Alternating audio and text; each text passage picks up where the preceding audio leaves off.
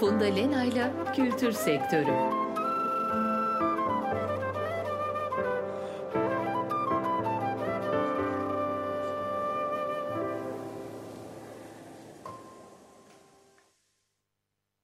İyi akşamlar sevgili Açık Radyo dinleyicileri. Ben Funda Lena Nazik. Kültür Sektörü programından hepinize mutlu bir akşam diliyorum. Açık Radyo'nun bu ay başlayan yeni yayın döneminin yeni programlarından biri Kültür Sektörü. Neler konuşuyoruz bu programda? E, müzik, sinema, yayıncılık ve tiyatro başta olmak üzere tüm kültürel sektörlerdeki konulara ve sorunlara değiniyoruz konuklarımızla birlikte. Çok değerli sektör temsilcileri, sanatçılar, akademisyenler konuğum oluyor e, ve olmaya devam edecek önümüzdeki aylarda.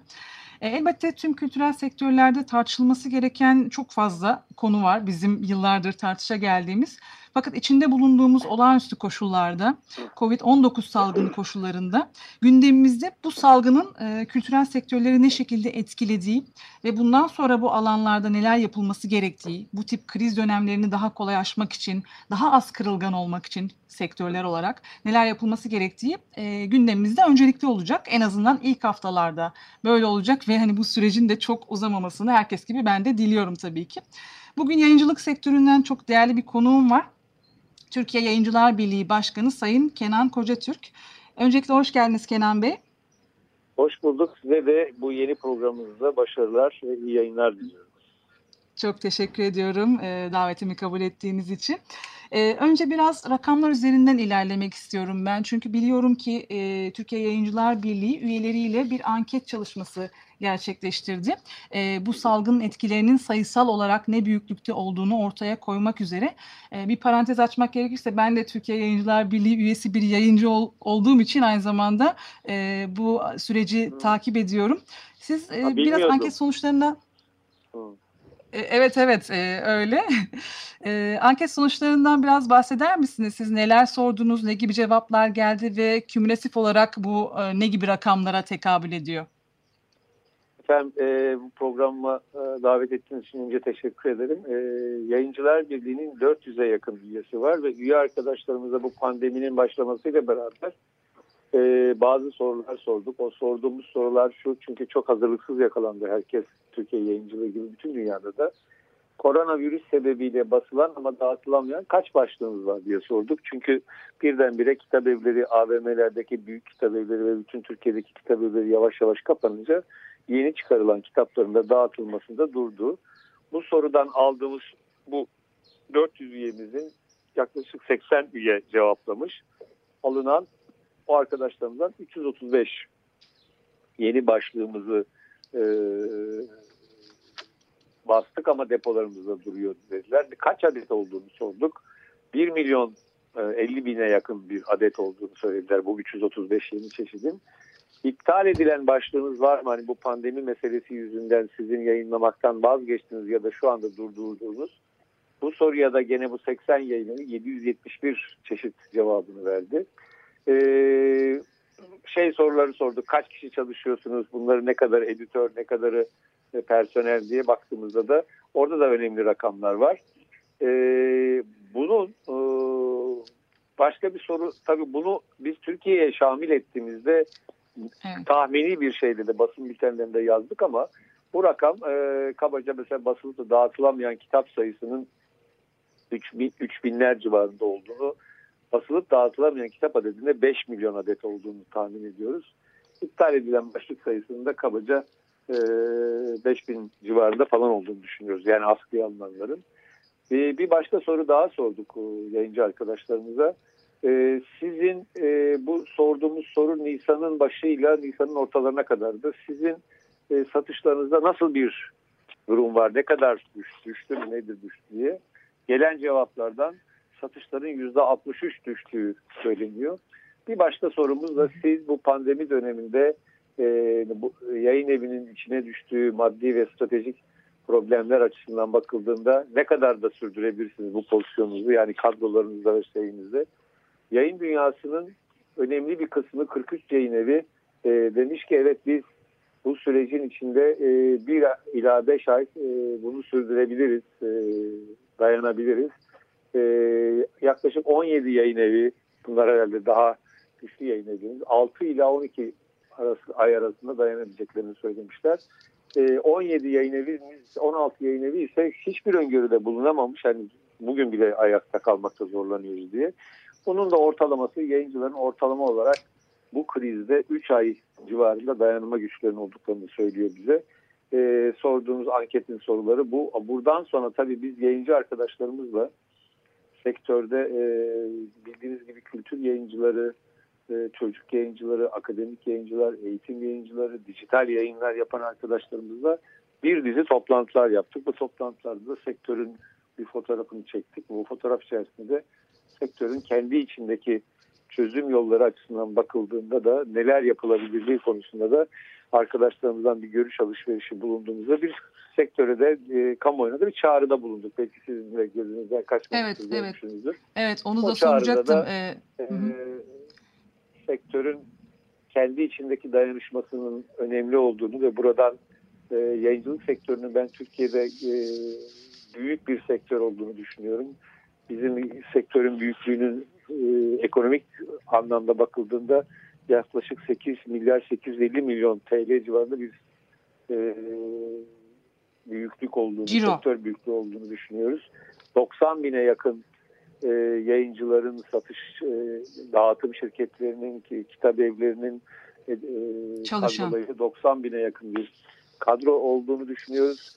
Bununla beraber de sektöründe kabaca 900 milyonda 1 milyar arasında vergi. Bu çerçevede bakıldığında da sektörün çok büyük bir sektör olduğunu görüyoruz. Her ne kadar başka türlü algılansa bile. Buradaki arkadaşlarımızla da çalışan editörlerimiz, çalışanlarımız, satışçılarımız, depolarda lojistik hizmetleri yapan arkadaşlarımız, dağıtım şirketleri, tabihleriyle beraber bütün bu o, krizden en az zararla çıkmanın da yolunu arıyoruz. O anlamda yaptığımız çağrının da esas olarak e, sektörün kendi içindeki dayanışmasına çok önem verdiğimizi söylemiştik. Evet, eee, o çağrıya da tekrar geleceğim ama onun öncesinde şu, eee, düşüş, yani sektördeki daralma acaba ilk haftalardan sonra biraz daha toparlanmaya başladı mı? Çünkü ilk, eee, bu kriz ortaya çıktığında insanlar panik halinde yani talep tarafına baktığımızda kitap değil de makarna almaya koştular daha çok. Hani internetten de kitap sipariş etmek belki çok akıllarında olan bir şey değildi ama biraz daha bu evde kalma sürecine, eee, alıştıktan sonra bu adaptasyonla beraber internetten kitap satışları biraz daha arttı mı? Bununla ilgili bir veriniz var mı? Bak şöyle bir şey oldu. Ee, ilk e, Mart'ın sonundan itibaren tam sizin dediğiniz gibi temel ihtiyaçların dışında kitabın da ne kadar temel bir ihtiyaç olduğu ortaya çıktı aslında. Şöyle şeyler hı hı. oldu. Satışlarımızda bu %63 düşme oldu ama o arada kapanan fiziki kitap satan, basılı kitap satan kitap evlerinin yerine online'dan e, kitap satışlarında ciddi bir artış oldu. Online satış siteleri %100 talep karşısında bazıları e, siparişlerini e, durdurmak zorunda kaldılar kadrolarının ona yet, yet, yetmemesi nedeniyle. E, oradaki artış e, Nisan'ın sonuna kadar hızla devam etti çünkü insanlar evlerinde e, film izlediler, sohbetler ettiler ama kitap satışlarına baktığımızda orada bir artış oldu. %90'ı neredeyse yayın evlerinin online'dan kitap satan satış sitelerine ve kendi sitelerinden kitap satışlarına oldu. Bu aslında bize şeyi de gösteriyor. Ee, okurla yayıncıların arasında çok ciddi bir bağ var. İki, okuma kültürü açısından bakıldığında ise ailelerin çocuklarıyla beraber kitap okumaları, kendilerini kitap okumaları meselesini öne aldıklarını ve bu anlamda da e, kitap alma noktasında bir e, istek gösterdiklerini, bir kitaba yöneldiklerini gördük. Bu da çok bizim için sevindirici bir şey çünkü birçok sektör durmuşken en azından internet üzerinden kitap satın alma meselesiyle beraber okurlarımızın e, buna yönelmiş olması yayıncılarımızın da beklemediği bir şeydi belki de. Bu anlamda e, yayıncılar da biraz dönüşümlü çalışmaya editoryal kadrolarını evde çalıştırıyorlar ama lojistik e, hizmetler açısından da tedbirlerini alarak hijyen tedbirlerini, ısı ölçerlerini, e, maskelerini, korunaklı maskelerini hatta e, bir takım e, korunaklı giysilerle, tulumlarla beraber evlerinden arkadaşların e, bu sosyal mesafeyi de koruyarak alınarak e, yayın evlerinin veya dağıtım şirketlerinde bu kitap hizmetlerini vermeye e, çalıştılar. Ama gelen talep karşısında e, talebi hızlı karşılayamama meselesinin bir nedeni de kargo şirketlerinin bir kapasite sorunu vardı. O kapasitenin de üzerine çıktığını da gördük. Sadece çünkü kitap almıyor insanlar ama bizde de evet. kitap başlarının orada arttığını gördük. Evet, sizin öncülüğünüzde başlatılan bir şey sanırım. Evdeyim okuyorum diye bir hashtag var e, Instagram'da insanlar e, bu biraz daha hani canlandırmak için. Bu Okuyay platformu e, bu başlatmıştı bunu sizin öncülüğünüzde başlayan Okuyay platformu. Belki kısaca ondan da bir bahsetmek istersiniz. Korona dışında bir gündem olarak. Doğru. Okuyay doğru. platformu. Türkiye, Türkiye Yayıncılar Birliği Hı Okumayı yaygınlaştırma platformu altında Avrupa Birliği ile hibe programlarından bir programı yürütüyor yaklaşık bir yıldır. Şimdi onunla beraber de e, okumanın yaygınlaştırması ile ilgili bu hem hashtagle beraber hem de önemli sanatçılar, önemli yazarların e, kitap okumaları, çocuklara kitap okumaları, yetişkinlere kitap okumaları ile beraber evdeyim, evde kal ama kitapla kal diye bir, bir takım çalışmalar ve hashtagler yaptık. Bu çok kabul gördü ve çok da paylaşıldı. Bundan da son derece memnuniyet duyuyoruz. Okumayı yaygınlaştırma platformu dediğimiz platform nedir?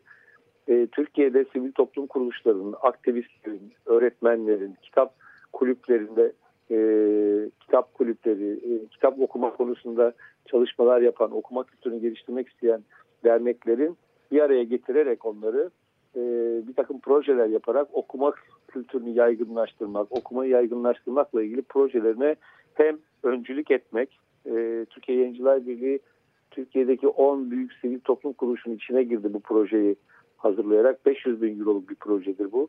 Onların bu faaliyetlerini geliştirmek ve sivil toplum kuruluşlarının içerisinde uzun vadede e, okuma kültürünü geliştirme ile ilgili sürdürülebilir bir ağlar yaratmak ve bu yarattığımız ağlar içerisinde de okuma kültürünün geliştirilmesine sadece derneklerin, sadece yayıncıların değil, bütün toplumun buna e, uyum sağlaması ya da bu yönde çalışmalara destek vermesi için yaptığımız bir proje. Bunun da dört pilot bölge seçildi. İstanbul, Ankara, Adana, e, Samsun bu bölgelerde şimdi pilot projelerimizi ilan ettik. E, sivil toplum kuruluşlarının hazırladıkları bu pilot projelerle oralarda hem yerel yönetimlerle hem kamuyla hem kütüphanelerle hem de okullarla birlikte okuma kültürünü geliştirme çalışmaları bu projelerle yürüyecek. Ee, bir de fon... ki bu projede başarılı sonuçlar alacağız. Biz çok memnunuz. Yap, arkadaşlarımız çok canla başla çalışıyor ve sivil toplum kuruluşlarına şeyde e, toplumda e, önemli görevler edindiği bir e, çalışma olarak görüyoruz bunu da.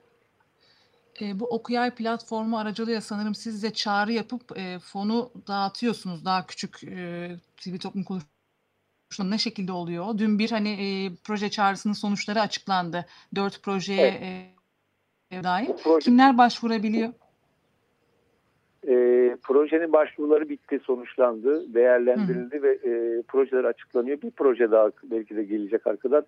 Bu projedeki hı hı. E, fon ihtiyaçlarını biz e, doğrudan projenin kendisine değil, onların ihtiyacı olan e, söz gelimi kitap mı alınacak, e, bir takım teknik teçhizatlar mı alınacak, ulaşım meselesi mi olacak? Bütün bunları fonlayarak onların bu projelerin hayata geçirmesini sağlıyoruz.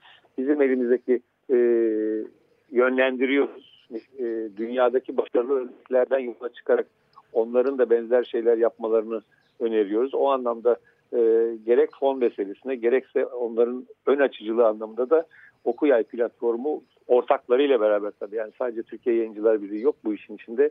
Türkiye Kütüphaneciler hı hı. Derneği, e, Kadıköy Belediyesi, yurt dışında Kingston Üniversitesi, Almanya'da Stiftung Lesen dediğimiz bizim okuma kültürünü yaygınlaştırma vakfı gibi ortaklarımız var. Onlarla beraber Ankara'da da Okuma Kültürü Derneği diye bir derneğimiz var. Onlarla bir ortaklaşa yapıyoruz bütün bu projeleri. Çok güzel. Ee, izleyicilerimiz de bunu takip edebilirler web sitesinden, sosyal medya hesaplarından daha yakından bilgilenmek adına. Şimdi bu COVID-19 sürecine dönecek olursam biraz devlet desteklerini soracağım. Ee, ilk başladığında bu kriz e, ve Cumhurbaşkanı çıkıp e, ekranlarda bir takım ekonomik destekler açıkladığında yayıncılık sektörü bu destek kapsamında değildi. E, fakat Türkiye Yayıncılar Birliği'nin e, yine e, çabalarıyla destek kapsamına alındı. E, bundan sonrasında e, yayıncılar nelere başvurabiliyorlar, nelerden faydalanabiliyorlar destek anlamında?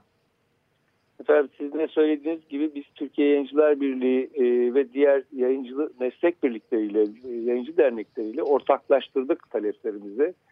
Cumhurbaşkanlığına başvurduğumuzda e, mücbir sebeplerin içerisine yayıncılık sektörünün ve yayıncılık sektörünün paydaşları olan yayın dağıtımcıları ve kitap, kitap evleri zaten içindeydi. Girmesi için bir e, talebimiz oldu. Bu talebimizi hem Cumhurbaşkanlığı hem Maliye Bakanlığı uygun görüp mücbir sebeplerin içerisine yayıncılık sektörünü, matbaacılık sektörünü ve e, de aldı.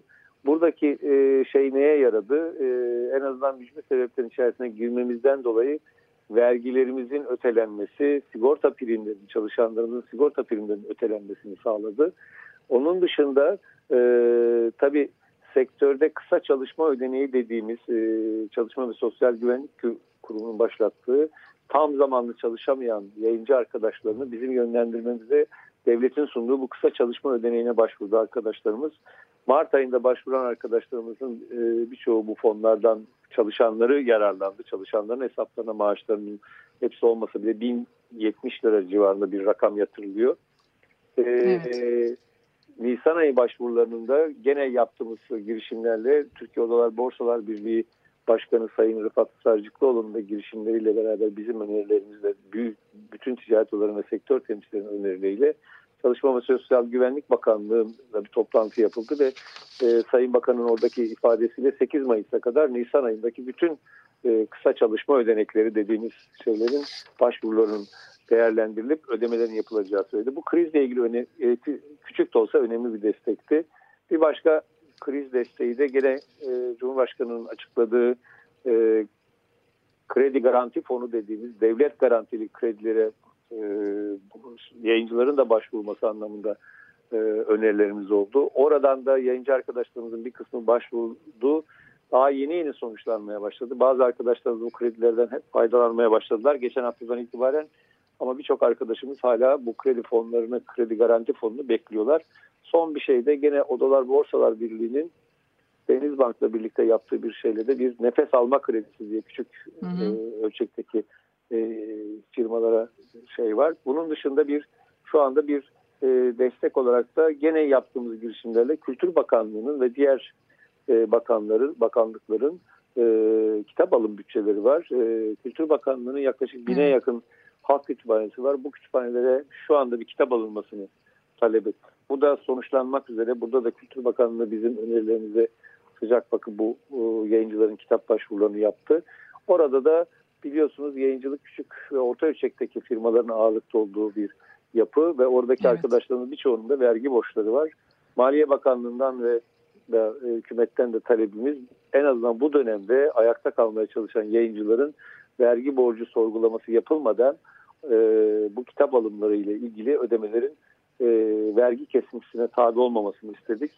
E, umarım bu da olur. E, ama bütün bunlar yeterli mi? Bence yeterli değil. Çünkü e, batıdaki kültür endüstrisini koruma çabalarına baktığımızda Alman Alman hükümeti 50 milyar euro ile kültür evet. endüstrisinin yaratıcılığın ve yazar yazarların, yaratıcıların e, önemli bir kültürel damarı temsil ettiğini ve onların faaliyetlerini sürdürmeleri için bu destekleri yapmaya sürdüreceklerini söylediler. Fransa'da Kültür Bakanlığı daha ilk günden itibaren önemli destekler sundu. Ee, dışarıdaki bu desteklerin yanında Türkiye'de de hani benzer desteklerin kırılan tedarik zinciri kanalında mesela kitap evleri çok zor durumda. Çünkü birçoğu kapandı ve gelirlerini kaybettiler. Orada çalışan insanlar işlerini e, kaybetme tehlikesiyle karşı karşıyalar. Bütün bunlarla beraber de e, Türkiye'de de hani ayakta kalma ile ilgili sektör kendi içindeki dayanışmasını yapacak ama devletten de benzer e, batıdaki yapılan desteklere benzer kültür endüstrisinin desteklerini beklemekten e, beklemeyi sürdürüyoruz açıkçası. Evet, sizin de dediğiniz gibi e, Almanya, Fransa başta olmak üzere birçok Avrupa ülkesi ve hatta başka başka ülkelerde de çok fazla destek var kültürel sektörlere yönelik. Dün İKSV bir politika metni yayınladı. Orada bütün ülkelerde neler verildiği yazıyor. Biz de e, bekliyoruz. E, Türkiye içinde böyle şeyler olmasını bilmiyorum ne kadar gerçekçi bir bekleyiş ama bir de şeyi soracağım. Kültürel sektörlerin tamamı için kafa yorduğum bir e, konu bu. Yayıncılık sektöründe de öyle. Aslında değer zincirinde sadece yayın evleri değil çok fazla bağımsız çalışan da var. Yani bu kültürel sektörlerin doğası gereği yazarlar, işte bağımsız çalışan editörler, mizampajcılar, e, çizerler, ben şahsen çoğunlukla bağımsızlarla çalışıyorum. Onlar da çok zor bir duruma düştüler. E, onlar için bir mekanizma yok sanırım ya da var mı? E, ol, olması için bir örgütlü hareket mi gerekiyor? Ne düşünüyorsunuz bu konuda? Şimdi Batı'da e, benim Almanya'da çalışan e, ve e, oraya göç etmiş ve orada çevirmenlik ya da e, editörlük yapan freelance olarak yapan arkadaşlarımla da merak ettim onları aradım. Alman hükümeti e, şimdi şey gelecek size e, 6 bin eurodan başlayarak e, yaklaşık 25 bin euroya kadar hibe yapmış bu insanlara. Evet. Yani yaratıcılıklarını hmm. sürdürsünler diye. Şimdi bizde yayın dünyasının içinde dışarıdan çalışan düzeltmenlerimiz, editörlerimiz, çevirmenlerimiz, çizerlerimiz, ne bileyim sosyal medya anlamında dışarı, e, şey yapan, sunumlar yapan e, dışarıdan aldığımız hizmetlerle ilgili de tabii o arkadaşlarımız çok zor durumda. Benim yayıncıların dayanışmasından kastım dediğimde budur. E, bu anlamda bir dayanışma içerisinde olmaktan başka çaremiz de yok. Ama devletin bir kere bu arkadaşlarımızla da ilgili e, kısa çalışma ödeneğinin içerisine girmeyen e, durumdaki insanlarla da ilgili bir tedbir mutlaka düşünmesi gerekiyor. E, yayıncıların kendi dayanışmasıyla bu meselenin çözüleceği kanaatinde değilim. Bazı çok satan yazarlarımız, çok satan çevirmenlerimizin belki böyle bir sorunu yok ama küçük ve e, işler içerisinde yürütülen şeyler içerisinde bir noktası var ki bunları mutlaka bir e, dayanışma içinde olmanın ötesinde bir şey lazım. Fakat bizim bu arada Maliye Bakanlığı'na e, bir e, çağrımız oldu. O da şu, bildiğiniz gibi bütün yazarlardan, çevirmenlerden elde ettikleri gelirler üzerine yüzde on yedi, belli bir sınıra kadar yüzde on yedi gelir vergisi kesiliyor. Evet. Bunun üzerine yüzde on sekiz katma değer vergisi kesiliyor. Yani bir çevirmenin bir kitabı çevirdiğinde e, ortalama eline geçecek olan para 3 bin liradır. Ortalamadan söylüyorum. Bunun bin lirasının vergiye gittiğini düşündüğümüzde bu en azından bu dönemde e, batıdaki gibi bu vergilerin e, azaltılması yani çok azaltılması kayıt açısından bu ya da bu dönemde bundan feragat edilmesini önerdik. Çünkü e, zaten hani gelirleri düşmüş olan insanların bir de e, bu vergi yükünün içinde e, kalmaması gerektiğini söyledik. Ama bununla ilgili çevirmen e, bildiğiniz gibi çevirmenler meslek birliği var, çevir var, e, evet. yazarlar sendikası var, PEN Türkiye var, evet. e, meslek birlikleri var. O bu arkadaşlarımızın da mutlaka devlet katında bir takım sadece bizim değil, e, kamu ile e, temas halinde bu meselelerle ilgili bir kampanya başlatmalar lazım. Batı'da bu kampanyalar var sivil toplum kuruluşları bağış kampanyaları yapıyor. Bildiğiniz gibi Türkiye'de tabii bu bağış kampanyaları da ayrı bir tartışma yarattı. Yani e, bağış kampanyası yapılamıyor biliyorsunuz e, yasaklandı. Ama bunlarla ilgili bir e, kamuoyu yaratıp e, bir çözüm üretme konusunda kafa yormamız lazım. Evet, Kenan Bey, çok süremizin sonuna geldik. Çok kısa sadece, koronadan önce yayıncılık sektörünün gündeminde üst sırada ne vardı? Hani böyle bir dakika içinde, belki daha sonra konuşmak üzere bir başlık olarak, bu süreç bitince neyi konuşmaya dönecek yayıncılık sektörü? efendim yayıncılık sektörü tam bu pandemi öncesinde batıdaki gibi, Almanya'da, Fransa'daki gibi kültür endüstrisini koruma kanunlarını konuşuyorduk. O da nedir? Eee e, devletin kütüphanelere kitap alırken yayıncıların belirlediği fiyatlardan %9, %10 civarında indirimle kitap almasını yüksek indirimlerle değil ve rekabet yasalarından bağımsız yürümesi gerektiğini, yayıncıların e, kitap evlerinin ayakta kalması için yayıncıların belirlediği satış fiyatları üzerinden bütün online'da kitap satışlarının da aynı fiyattan ve e, indirimsiz satılmasını söylüyorum. Bu bazen tepki çekiyor ama bu kitap fiyatlarının aşağı çekilmesini ve kültür endüstrisini koruması gereken o bütün tedarik zincirinde koruyan bir yapı. Tam bunu konuşuyorduk. Pandemi sonrasında da gördük ki tam da buna da ihtiyaç varmış. Kültür endüstrisini korumak için de bir takım kamunun da alması gereken tedbirler var. Ee, bizlerin de alması gereken tedbirler olduğunu düşünüyorum. Başka bir e, şeyde sadece bu konu üzerinde bile konuşulacak uzun bir e, e, görüşme olabilir. Evet, kesinlikle yani şu an size çok teşekkür ederek yayını sonlandıracağım ama umuyorum ki bu süreci atlattıktan sonra sizi bir kez daha ağırlama şansım olur ve normal şartlardaki sorunlarınızı e, masaya yatırma şansımız olur. Çok teşekkür ediyorum yayınımıza İnşallah. katıldığınız Ben için. teşekkür ederim bu fırsatı verdiğiniz için. Evet, sevgili Açık Radyo dinleyicileri bugünlük yayın süremizin sonuna geldik. Ben Funda Lena. Haftaya yine aynı gün ve saatte buluşuncaya kadar şimdilik hoşçakalın. İyi akşamlar.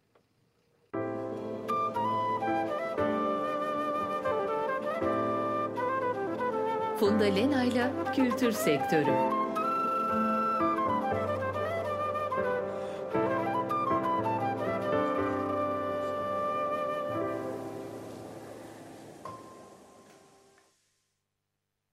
Açık Radyo program destekçisi olun. Bir veya daha fazla programa destek olmak için 212 alan koduyla 343 41 41